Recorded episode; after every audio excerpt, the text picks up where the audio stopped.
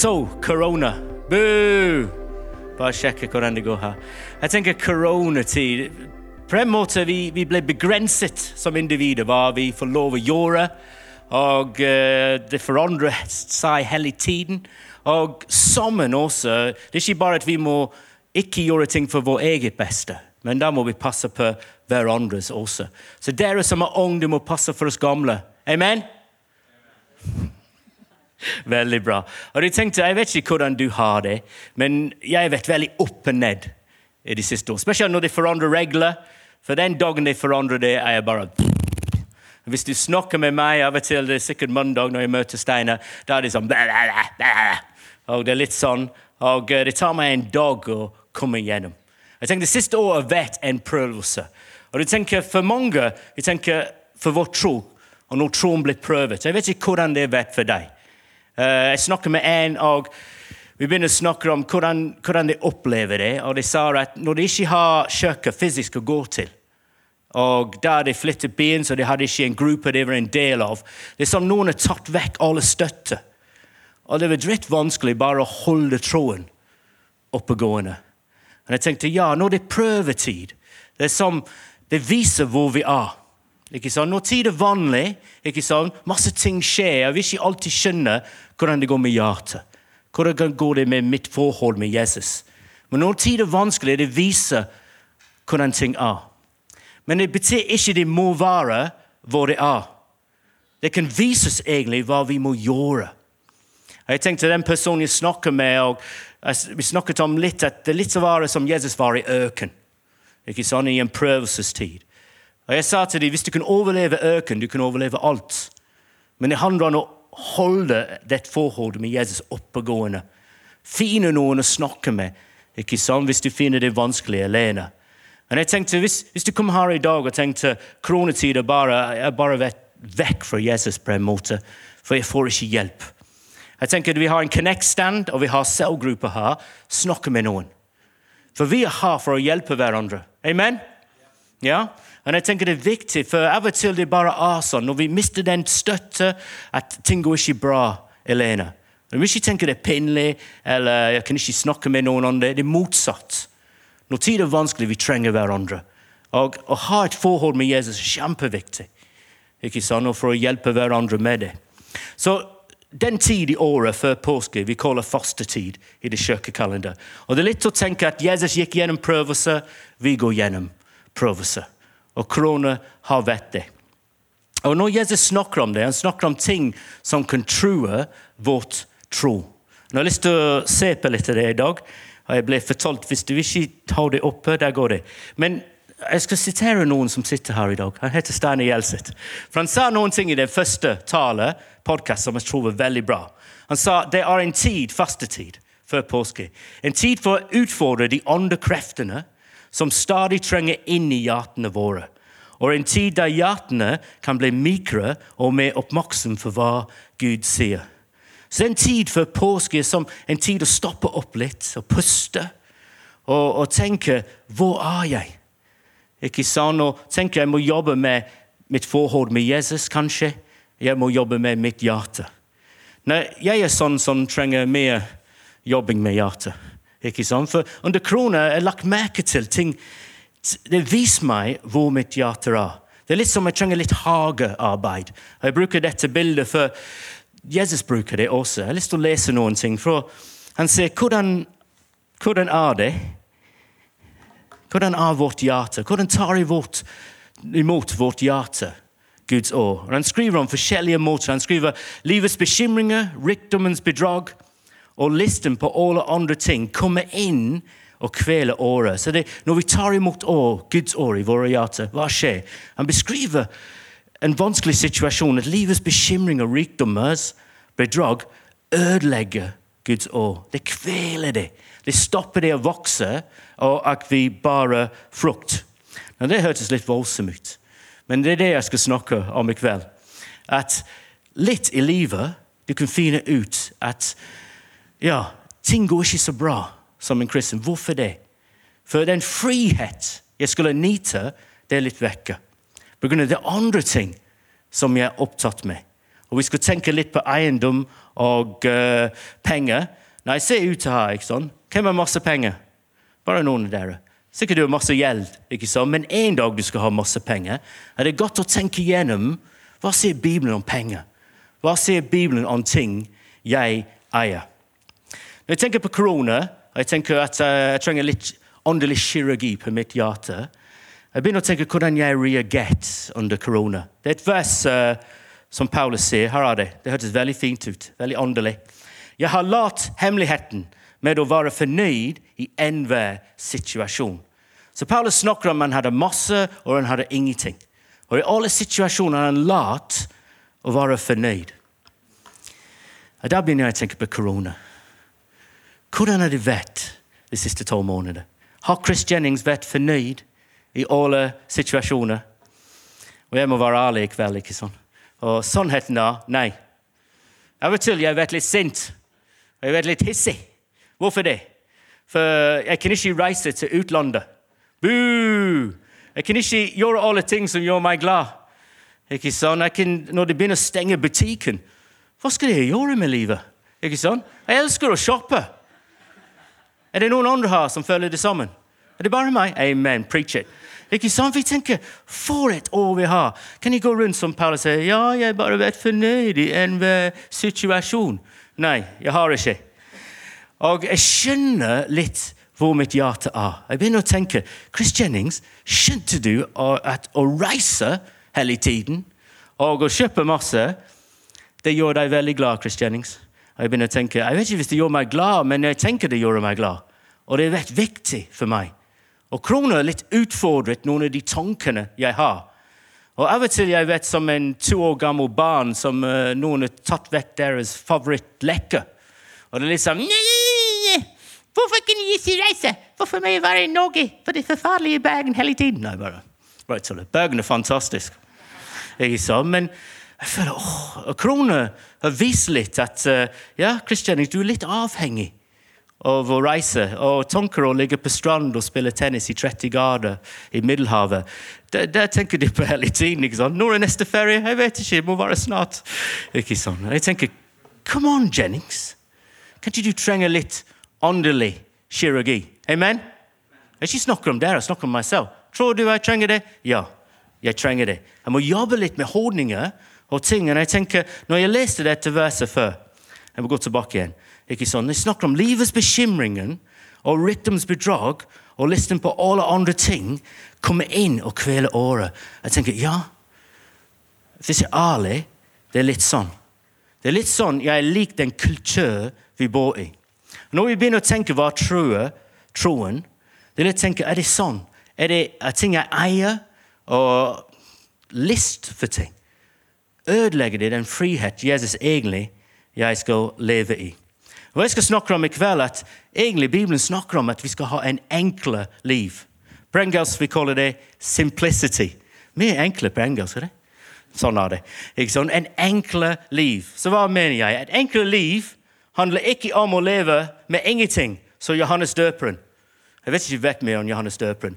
Men han, det er som å bo på fjellet i Bergen og bare spise bar og gå rundt med de sammen klar for de neste 20 år. Ikke sånn? Det er Johannes døperen. Ingen har lyst til å være med han. Det betyr ikke det å ha en enklere liv i Bibelen. Men det betyr å leve med mindre. Og det er det vi skal se på. Men før vi ser på Bibelen, vi skal tenke på den kultur vi bor i. For det påvirker oss enormt. Og for meg det, det er superpinlig å innrømme hvor påvirket av kultur jeg er. Kanskje du tenker nei, jeg er ikke påvirket av kultur. Amen. Gud velsigne deg, men jeg skjønner jeg er. Vi skal tilbake i 400 år. Det var en franskmann som heter René Descartes. Er det noen som snakker fransk her? Ingen? Oui, veldig bra. Je pense, donc je suis. Ingen vet, ikke sant? Jeg tenker, derfor jeg er. Derfor er jeg nesten norsk. Ikke sant? Jeg tenker, han sa, jeg tenker, og folk, der tenkte egentlig sånn er meningen med livet. Sånn er vi å være mennesker. Men 400 år etterpå i dag, hva ville han ha skrevet i dag hvis han var her? Han ville skrevet sånn. Jeg shopper derfor jeg er. Tror du meg? Noen tenker han bare snakker tull i kveld, den Jennings. Det er litt sånn, ikke sånn? Men har en sannhet. Å finne mening og aksept i livet, shopping og mulighet for å kjøpe ting har blitt veldig viktig for mennesker i den kultur vi bor i. Har en fransk sosiolog, Jean Bidrilel Ikke sånn? Han sier machilisme har blitt det nye dominant, dominante systemet for mening. Artisme ikke har erstattet kulturell kristendom. Shopping har. Man kan ikke tenke det er helt crazy hva du, han sier her. Men hva han prøver å si, at før kristendom formet kulturen i Vesten-Europa. Men hva former kulturen i dag? Er det at folk ikke tror artisme? Nei. Egentlig det er mulighet å handle og forbruk og shopping. La oss gå en, en videre. Det er en mann som heter Nick Mercer. Han skrev en bok som heter 'Postmodernity og rasjonalitet'. Og Han sa det i å kunne velge og i å kjøpe uh, Nei, det, det høres ikke ut som norsk. Det i å kunne velge og i å kjøpe at jeg finner min identitet og aksept. Nå, Søndag kveld, jeg vet ikke hvor våken du er, ikke sånn? men jeg tenker, hva er det han snakker om? Jeg snakker om sånn Min livsstil forteller hvordan og hvem jeg er. Og Ofte vi prøver å bruke klær og ting vi eier, for at andre skal akseptere oss. At vi klarer å tilhøre. Sånn er kultur vi bor i. Hvis du tenker det ikke er sant, bare se hvilken klær folk bruker. For de sier noen ting om det. De formidler noen ting gjennom det. Og den kultur påvirker oss av hva vi tenker om penger, og hva vi tenker om ting vi har lyst å ha. I 1927, 100 år siden, skrev en journalist i Amerika en forandring har kommet over demokratiet, og det heter forbruk. De amerikanske borgernes første prioritet er ikke lenger å være en borger, men forbrukere. 100 år siden i Amerika. Og jeg tenker i dag er det helt vanlig å tenke sånn. Hvis du går tilbake til 2001, det er lenge siden Noen av dere var nettopp født. Ikke sånn? For det er noen som er ikke født, sikkert. Ikke sånn? I Amerika, New York, Washington Vi kaller det 9-11. 9-11. Det var en terroristattakk. Det var en krise. Hvordan skal de komme ut av krisen? President Bush sa til dem, gå og handle. Kjøp, kjøp, kjøp. Det var svaret hvordan vi behandler og hvordan vi takler kriser. Sånn er kulturen i Amerika, men det er ikke forskjellig i Norge. Jeg regner med når vi kommer til juni, juli i Norge, hva skal de si til oss? Hva skal Arne Solberg si til oss? At det er tid på dunad? Kanskje. Men hva er det som skulle si at det er tid å handle? Og å bruke penger og å hjelpe Norge videre. Vi er en forbrukssamfunn. Tilbake til Amerika. Det er en mann som heter Paul Mazur. Han jobbet på Lehman Brothers, Wall Street-banker. Han sa vi må skifte Amerika fra et behovkultur til en ønskekultur. Folk må bli trent til å ønske, til å ville ha nye ting, før den gamle er brukt opp. Nå, Vi snakker om 100 år siden han sa det. Og jeg ser rundt her, ikke sånn, og jeg tenker det er helt vanlig for deg. Er? Venter du til din gamle ting er totalt ødelagt, til du kjøper ny? Ikke sant? Du bare finner en ny ting, og du kjøper det. Hvor mange har en ventet til en mobil er totalt ødelagt før du kjøper en ny? Det er bare jeg, ikke sant? For jeg er så gammel. ikke sant? Jeg tenker klar. Venter vi til det er totalt ødelagt før vi kjøper ny klær? Nei. Samfunnet er blitt at vi bare må ha ny, og vi tenker det er viktig å ha ny. For å ha ni, det gjør oss glad. Og det er et godt spørsmål. Gjør det oss glad? Det skal vi komme til. For vi, vi er litt forandret hvordan ting er. Før i tid, lenge siden, folk tenkte de, de skulle få hva de trenger. Det var behovene som var viktige. Men egentlig, vi definerer behov i dag som egentlig hva vi ønsker. Så istedenfor å tenke 'trenger jeg det', vi egentlig sier ønsker jeg det. Og sånn er vi. Sigmund Freud, psykoterapeut. Han er bare psyko, hvis du spør meg. men Vi kommer tilbake til det. Vi tar stadig irrasjonelle beslutninger om det vi kaller våre ubevisste driv. Så han prøver å si at mange ting vi velger, vi er ikke gjennomtenkt. Det er ikke gjennomtenkt. Vi er ikke tenkt over hva vi skal gjøre. Men mange ting som driver oss, bestemmer hva vi skal gjøre. Og vi ble latt opp og egentlig å tenke jeg skal få hva jeg ønsker.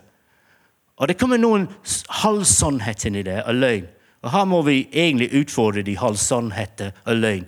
Og hva er det? Det er at hvis du får mer, da skal du bli mer lykkelig. Og jeg tenker ja, jeg tror på den, nesten. Now, her er Norge. Glem Amerika.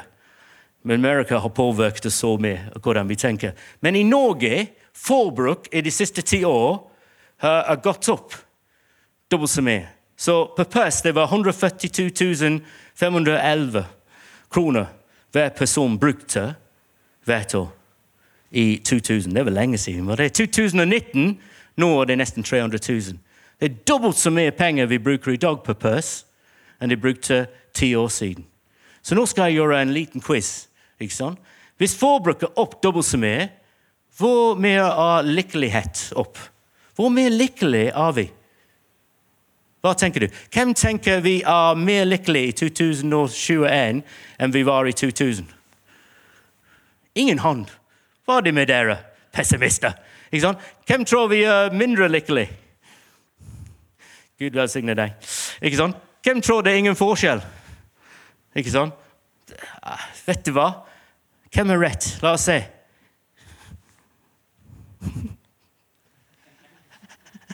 Der er det. Ikke sant? Hvem er rett? Ikke sant? Vi bruker dobbelt så mye penger i dag, men de som er meget lykkelige, og de som er ganske lykkelige, er likt. Er det ikke litt spennende?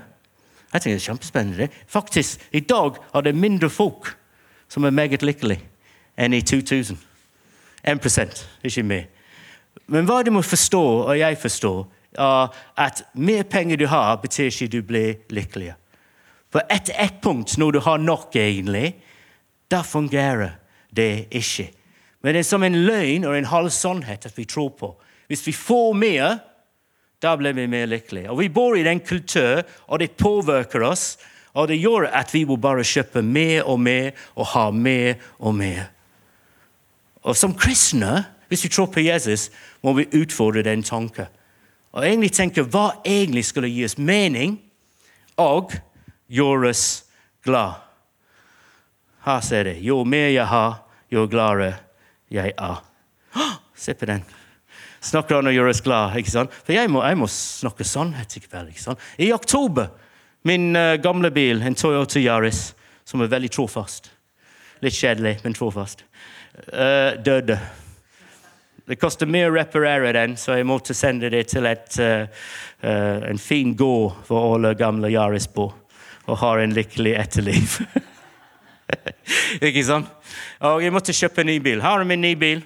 Der er det. Det er Mini. Og uh, tror, jeg, tror, du at jeg ble veldig, veldig glad da jeg kjøpte den bilen? Tror du det? Ja. Vet du hva, jeg ble enormt glad.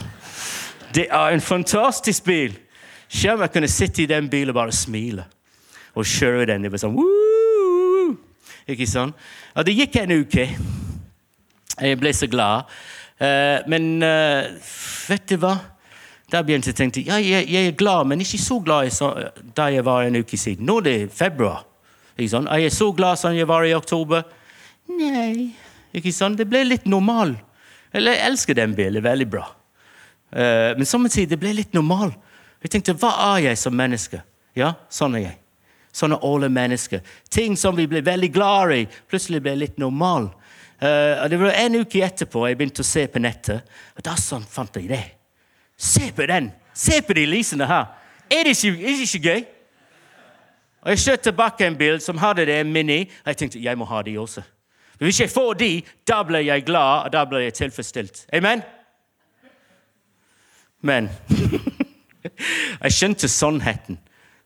Hvis jeg får de, det blir kanskje en måned, Og da begynner jeg å tenke ja, kanskje det er andre ting som får tilfredsstille meg. Og det er litt problemet. Vi kan gå gjennom ting. Jeg tenkte å kjøpe ny TV, ny mobil, ny bil, ny hus. Hva som helst. Over tid det ble vanlig. Over tid det ble, det ble ikke tilfredsstilt, for det er umulig å tilfredsstille oss som mennesker. Så vi må utfordre den løgn som sier mer jeg har, mer glad jeg skal bli. For det er ikke sannheten. Og som jeg skrev der, Eiendeler og ting er ikke det egentlige problemet. Men jeg lever i en verden hvor det er ikke en grense på våre menneskelige ønsker. Det er litt problemet. Det er bare at vi må få mer, og det er budskap vi hører hele tiden. Og vi tror vi trenger alle mulige greier for å være glad. Når sannheten er at vi trenger veldig få. Jeg tenker Som kristne av og til vi må snakke til oss selv. Ikke Må, for meg kristianisme, jeg må litt hagearbeid i mitt hjerte. Litt åndelig kirurgi. Og si, 'Chris, jager du bare etter ting og tror på de løgner?' Og Hvis jeg ikke tenker på det, ja, jeg tenker jeg bare kjøper det, kjøper det, får den, da blir jeg glad. Så hva sier Bibelen? Hva skal vi tenke? For når vi tenker, vi, Hva betyr mer ting? Ikke sant? Mer ting kan bety mindre ting også. Mer ting jeg kjøper, det betyr at mindre penger. Det er sannhet. Kanskje mindre generøs, ja, for jeg har mindre penger. Det tar tid. Det kan være mer stress. For mer ting jeg har, mer ting jeg må passe på. Og Av og til det betyr mer bekymringer. Så vi skal se på hva Bibelen sier om det, og ta det veldig fort. Vi skal se på Matteus 6 og 1. Timoteus 6. Men først, hva ønsker Jesus for du og jeg? Jesus ønsker at vårt liv skal bli fullt av hans fred, hans glede og hans håp. Han vil at vi skal leve i friheten. Ok, Her er et vers, Johannes 8, 36. For Sønnen frigjort dere, da blir dere virkelig fri. Johannes 10, 10. Jeg er kommet for at dere skal ha liv og overflod. Så det er det Jesus ønsker for oss, at vårt liv er preget av hans håp, hans glede og hans fred. Høres det bra ut? Ja. Sånn? Men av og til det er ting som kommer i livet, som stopper det å være vår opplevelse. Og Hva vi snakker om i dag, er en av de tingene. Istedenfor fred og glede har vi egentlig bekymringer og stress. Og vi må ta en titt på det. Det er en bok jeg liker. Her er det. God's Promises. Jeg har den boken, egentlig. Og uh, Når du leser Bibelen, det er masse ting Jesus sier, løfter han i oss. Men vi, det, er bok, det, er også en bok her. God's Warnings. Det hørtes ikke så tiltrekkende ut. ikke sant? Er det noen som vil ha den? Det egentlig eksisterer på Amazon. Du kan finne en bok som heter det. Jeg tror ingen, ingen har lest det før. Men når vi leser Bibelen og leser hva Jesus sier, det er fulle løfter, men det er også uh, som advarsel inni det. Hvorfor det? For de to ting ofte går sammen. For, for oss å virkelig oppleve Guds løfter, vi må passe på forskjellige ting. Og Der skal vi lese om i Matteus 6, vers 19-20. Dere skal ikke samle skatten på jorden, hvor møll og mak ødelegger, hvor tyver bryter inn og stjeler. Men dere skal samle skatten i himmelen, der verken møll eller mak ødelegger og tyv ikke bryter inn og stjeler. For der skatten din er, vil også hjertet vare. Så Jesus prøver å si til oss hvis du tror på meg, og du vil oppleve min fred og min glede og min, ja, den håp jeg vil gi deg, oppleve friheten i meg, da må du passe på hva du fokuserer på. Du må fokusere på mitt rike, fokusere på hva jeg er opptatt av. For hva du fokuserer på, der er ditt hjerte. Han går videre, og det blir ikke lettere. Bare hør her. 24. Ingen kan kjenne to herrer. Han vil hate den ene og elske den andre eller holde seg til den ene og forakte den andre. Dere kan ikke kjenne både Gud og mamma. Så her er Jesus veldig svart og hvit. Han sier ikke du burde ikke kjenne både Gud og mannen. Men han sier egentlig du kan ikke. Og Da må vi ta alvorlig. ikke sånn? Han sier hvor ditt hjerte er, hva du ønsker. Du må tenke over. For da begynner du å tilbe hva du ønsker. Og Vi bor i en samfunn, en kultur, som tilbyr penger. Jeg skal si det rett ut. Å ha ting er svaret til mening, aksept og lykkelighet i vår kultur. Og Jesus har en helt annen budskap. At vi skal finne vår mening og aksept i Han. Da ble vi virkelig fri. Så han prøver å si til oss du må passe på. Du må bruke din energi og ressurser for å tenke for hva jeg vil, først og fremst. Ikke bare ha ting så du kan bli lykkelig. Er det litt brutalt sagt? Jeg bare spør. Er det litt brutalt? Det er lov å si det, ikke sant? For Jesus er veldig alvorlig her og vil at vi skal skjønne. La vi gå videre. Derfor sier jeg dere, vær ikke bekymret for livet, hva dere skal spise, eller hva dere skal drikke. Heller ikke for kroppen, hva dere skal kle dere med. Og ikke livet mer enn maten og kroppen mer enn klær. Og du lover å svare nei, Jesus. Klarer kroppen og mat er veldig viktig. Ja, det er veldig viktig. Vi trenger det. Men han prøver å si, han sier 'derfor'. Hvorfor sier han 'derfor'? For han prøver å binde sammen. Hvis vi er bare opptatt av penger, da skal vi leve med bekymring. Det er de to han binder sammen. Vær ikke bekymret for livet. Hvis du tenker jeg ville hatt mindre bekymring i livet, en svar Jesus gir deg, er å stole på meg og ikke være så opptatt av penger. For hvis du er, da kommer stress og bekymringer. Og han sier hva vi skal gjøre. Her er det. Men den far dere har i himmelen, vet jo at dere trenger alt dette. Søk først Guds rike og hans rettferdighet, så skal dere få alt det andre i tillegg. Det er Jesus' løfte til oss. Hvis vi søker først hva han vil, skal vi få hva vi trenger. Now, problemet er kanskje hva du trenger, ikke hva du ønsker. Og vi er blitt latt opp at hva vi ønsker, og hva vi trenger. Det er litt komplisert.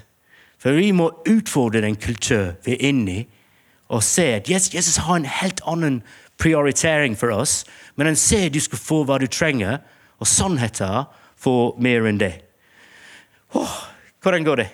Jeg må bare spørre. Er det noen som dør her? For jeg dør, hvis jeg tenker det. For jeg tenker Chris Jennings, jeg er påvirket av de tingene. Jeg lever ikke i en sånn boble som jeg går rundt som en åndelig mann. Og ikke påvirket den kultur vi bor i. Jeg tenker ja, jeg, jeg tror på noen av de løgnene.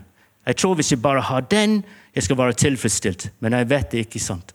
Hvis jeg bare har mer penger, da blir jeg mer glad. Jeg vet det ikke sant.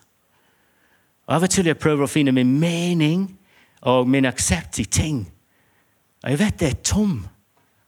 Det er egentlig meningsløst. Eneste sted å finne det er i Jesus. Så hva kan hjelpe oss? Vi skal bevege oss over inn i 1. Timoteus 6 og se hva det sier der. Bare plukker opp to ting.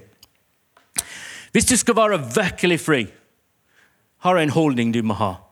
Du må tenke at alt vi har, er en gave fra Gud. Ikke sant? Så, her er verset. For mann dere som er rikere i denne verden, at de ikke må være overmodige og sette sitt håp til den usikre rikdommen, men til Gud, Han som gir oss rikelig av alt for at vi skal nyte den. Fantastisk vers. Forman dem som er rike i denne verden. Hvem er rik her? Bra. Vegard er rik. Hvis du har ingen venner, vær venner med Vegard. Han har penger. Amen. Hvis vi tenker hvem er rik i denne verden Hvis vi sammenligner oss med hverandre, kanskje vi føler litt fattig. Jeg vet ikke. ikke sant? Det er lett å føle fattig i Norge.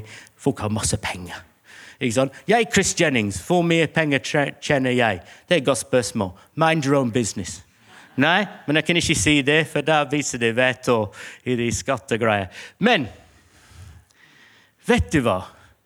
Topp 1% av folk i verden tjener 300 000 kroner etter skatt. Tenk på det. Hvis du tjener 300 000 kroner etter skatt, og jeg tjener 300, 300 kroner etter skatt. Du er i de topp 1% i verden. Så sannheten er jeg er en av de i de topp 1% i verden i dag. Og Det er litt sjokkerende, det. For jeg er fattig i Norge. Alle kjenner mer enn meg. Ikke sant? Men jeg kjenner så mye at jeg er på de topp 1 i verden. Så jeg leser denne vers. For mannen dem som er rike, det er Chris Jennings. Må høre etter. Og hva sier han? Han sier at ja, Gud gir oss hva vi trenger og mer, så vi kan nyte det. Jeg liker den nyte. Det var veldig bra. Sånn? For når vi tenker på hva vi snakker om, vi har tre valg. Hva mener jeg med det? Du, du kan tenke vil, ja, Valg nummer én. Jeg kan høre hva Jesus sier, og tenke ja, jeg liker ikke hva Jesus sier. Jeg skal bare bruke alt jeg har, for å nyte det og gjøre meg selv så lykkelig som mulig. Det er som resten av verden i Norge lever. Eller du kan ha en annen valg. Du kan gå de andre vei. Jeg kan være som Johannes døperen. Jeg kan tenke alt som i denne verden er korrupt. Og jeg skal ikke nyte noen ting. Jeg skal bare være lei hele tiden og ha ingenting. Jeg skal fornekte og ha det godt med stoff som kommer fra verden. Det hørtes veldig åndelig ut, men det er ikke hva Bibelen sier. Bibelen har en tredje vei at vi skal være.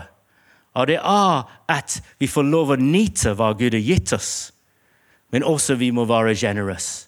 Men å nyte det og være generøs må vi ha den holdning som vi begynner med, på rette plass.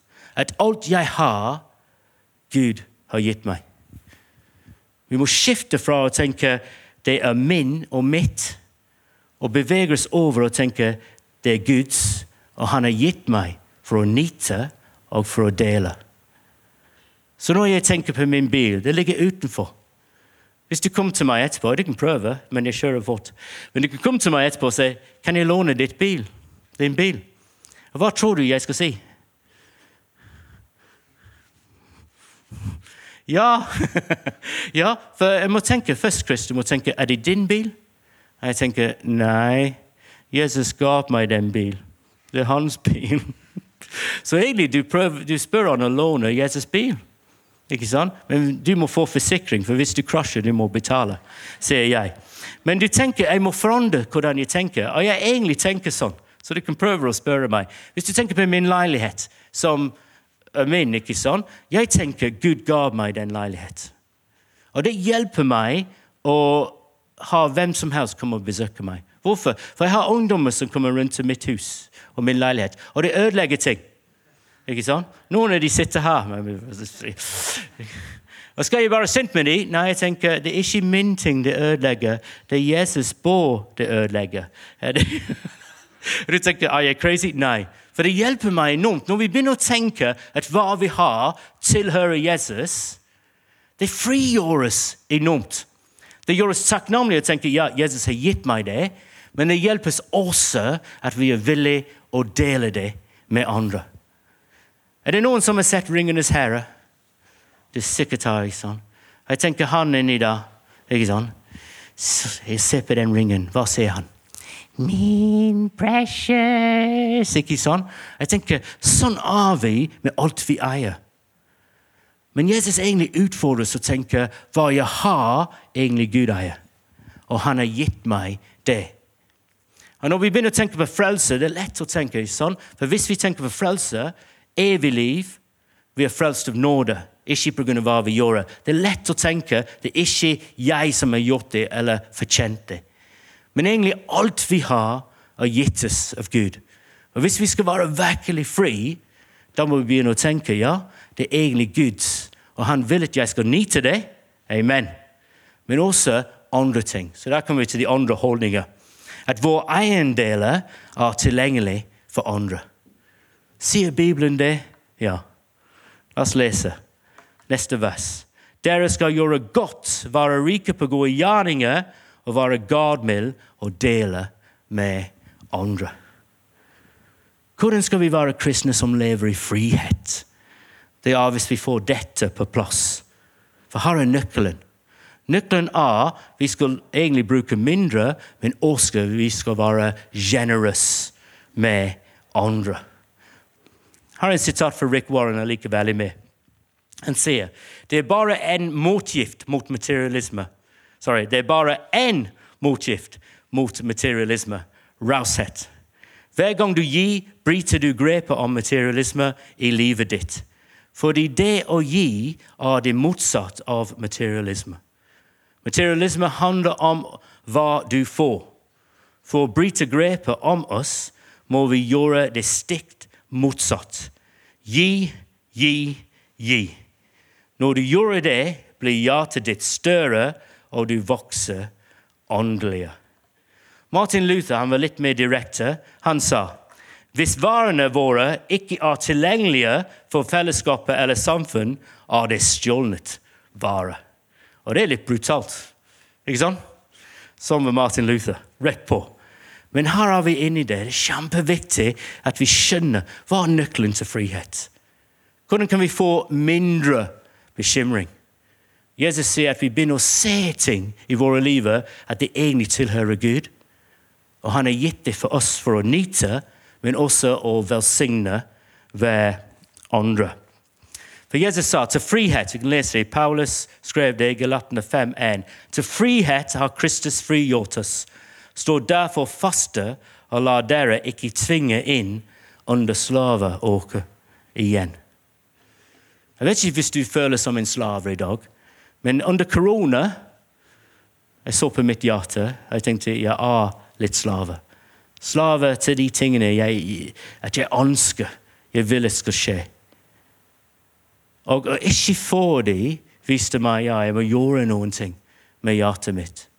Ja, det er godt å gå på ferie, og jeg skal reise så fort som mulig. Amen. Men også må jeg tenke er det livet mitt? Er det det som er mest meningsfullt? Er det det som er mest viktig? Hva skal jeg bruke min energi og ressurser til? Det sier at Jesus sier det er salige å gi enn å få. Så hva skal vi gjøre med det? En enkle liv handler ikke om å leve med ingenting som Johannes døperen, Woo! men å leve med mindre. De bøkene jeg har lest om det, da begynner det nå å komme med minst ti anbefalinger eller regler. Men jeg ser samtidig, hvis vi begynner å lage regler, det er lett at du begynner å fordumme seg selv. Og Det er ikke mål at vi begynner å fordumme oss selv og lage nye regler. Men av og til du kan tenke på ting som hjelper deg å leve litt enklere og å være litt mer generøs. Så tenk denne uken, hvis vi begynner å tenke Her er et spørsmål. Hvordan kan jeg leve med mindre når verden rundt spør om hvordan jeg kan få mer? Jeg tror vi må hjelpe hverandre. Du må hjelpe meg snakker med meg og sier Chris Jennings, du trenger litt hjelp. Jeg trenger hjelp. For det er enormt press hver uke at vi skal få nye ting. Og hvis jeg skal være glad, jeg må ha nye ting. Så hvordan skal vi hjelpe hverandre? Hvordan kan jeg begynne å tenke ja, egentlig det er mer, det er mer, si, det er mer glede i å leve med mindre hvis jeg klarer å være generøs. En annen spørsmål. Trenger jeg å ønske deg dette? Eller ønsker jeg bare dette? Så hva betyr det? ikke sånn? Hvis du begynner å tenke du vil ha noen ting, trenger du det? Det er et brutalt spørsmål, for ofte svaret er nei. Jeg tenker, Skal det gjøre meg glad? Kanskje. ikke sånn? Men vi må utfordre selv hvis vi skal ta det alvorlig og leve med mindre. Når jeg har noen personlige regler, jeg ikke sier du må ha det, som hjelper meg. For det er pinlig å innrømme hvor mange jakker jeg har. Ikke sånn? En gang, ti år siden, jeg telte. Ok, Nå må vi gjette. Ikke sant? Jeg snakker ikke som, som jakke. Jeg mangler de også. jeg kan begynne med de. Men utejakke. Ok, Hvem tror at jeg har fem? Er det noen? Gud velsigne deg. ikke sant? Hvem tror jeg har ti? Veldig bra. Hvem tror jeg har 15? What? Hvem tror jeg har 20? Hva er feil med dere? Ja, jeg hadde 20. Det er pinlig å innrømme det. Jeg gikk gjennom garderobeskapet. Jeg hadde 20 jakker. Og jeg bestemte meg jeg må gjøre noe med det. Så jeg laget en regle. Og regelen var så enkelt. Hvis jeg skal kjøpe en ny jakke, uansett hvis det er for Fretex, da skal jeg gi vekk en jakke. Ikke sånn? Nå har jeg ti jakker. Er det bra? Det er mange er det. Ti jakker. Du fordømmer meg. Gud velsigne deg. Ikke sant? Men hvorfor er jeg ti jakker? For jeg begynte å kjøpe mindre jakker pga. regler, og jeg har gitt vekk mange jakker. Jeg tenker Der er hva jeg trenger i alt i mitt liv. Jeg trenger å kjøpe mindre, men å være mer generøs. Så målet er ikke å kjøpe mindre bare, men det er også at det motiverer oss og inspirerer oss å være generøse med hverandre. Jeg har begynt å gjøre det med sko, og jeg skal gjøre det med de typer jakker. Så hvis du trenger ting, bare kom og besøk meg, og du kan ta hva du vil nesten hjem. For jeg trenger, Vi trenger litt ting som kan inspirere oss og hjelpe oss. Av og til jeg klarer ikke å gi noen ting vekk. ikke sant? Og når jeg har lyst til å kjøpe noe nytt, så hva gjør jeg det? Nummer to-regler jeg har, hvis jeg klarer ikke å gi noen ting vekk, jeg kjøper to, og jeg må gi en av de til noen andre. Det er litt brutalt, for når jeg kjøpte bilen Jeg tenkte jeg kjøper ikke to biler. ikke sant? Men heldigvis jeg ga min gamle Yaris til noen andre. Det er litt sånt, ikke sant? En engelsk designer said bare ha ting i ditt hus som du vet å være nyttig, eller tror å være vakker. Jeg tror det er en god regel. Ikke sant? Det er godt å gå hjem og se gjennom hva jeg har hjemme. Og Når jeg ser at det er ting som er ikke nyttig eller ikke vakker, hva skal jeg gjøre med det? Gi det vekk. Og jeg tenker Det er noen ting vi kan alle gjøre. og tenke, ja, jeg har noen ting å gi vekk. Sikkert. Ikke sant? Sikkert du har ting hjemme som er ikke nyttig eller vakre. Og uh, jeg snakker ikke om kjærester eller andre folk. ikke sant? Men sikkert du har ting hjem. Jeg tenker Det er viktig hvis vi skal være fri, og begynne å gjøre det som en vane, at vi er generøse og hjelper oss. Så jeg har en bønn til slutt. En drøm. At vi som en fellesskap, begge har og i G19 og i G11, at vi kunne vært en fellesskap som ikke er slaver av ting, eller ting eier oss, men vi er det mest generøse fellesskapet i Bergen, som leder et lykkelig opprør mot materialisme. Hva tenker dere om det? Er det noen som har lyst? Det er noen som har lest det igjen. At vi har et fellesskap som ikke er slaver av ting. Høres det bra ut? Det er noen. Eller at vår eiendel eier oss. For på en måte det er veldig lett at det gjør det. Det eier deg, din energi, ikke sånn, dine tanker. At du må beskytte ting, at du må forsikre ting. ikke sånn, Eller at, uh, men at vi er det mest generøse fellesskapet i Bergen som leder et lykkelig opprør mot materialisme. Og jeg tenker det blir bra å være i den fellesskap. Jeg tenker Det begynner med meg, og det begynner med deg. At vi tenker alt vi eier, er gitt oss av Gud. Og alt jeg er, har, tilgjengelig til andre.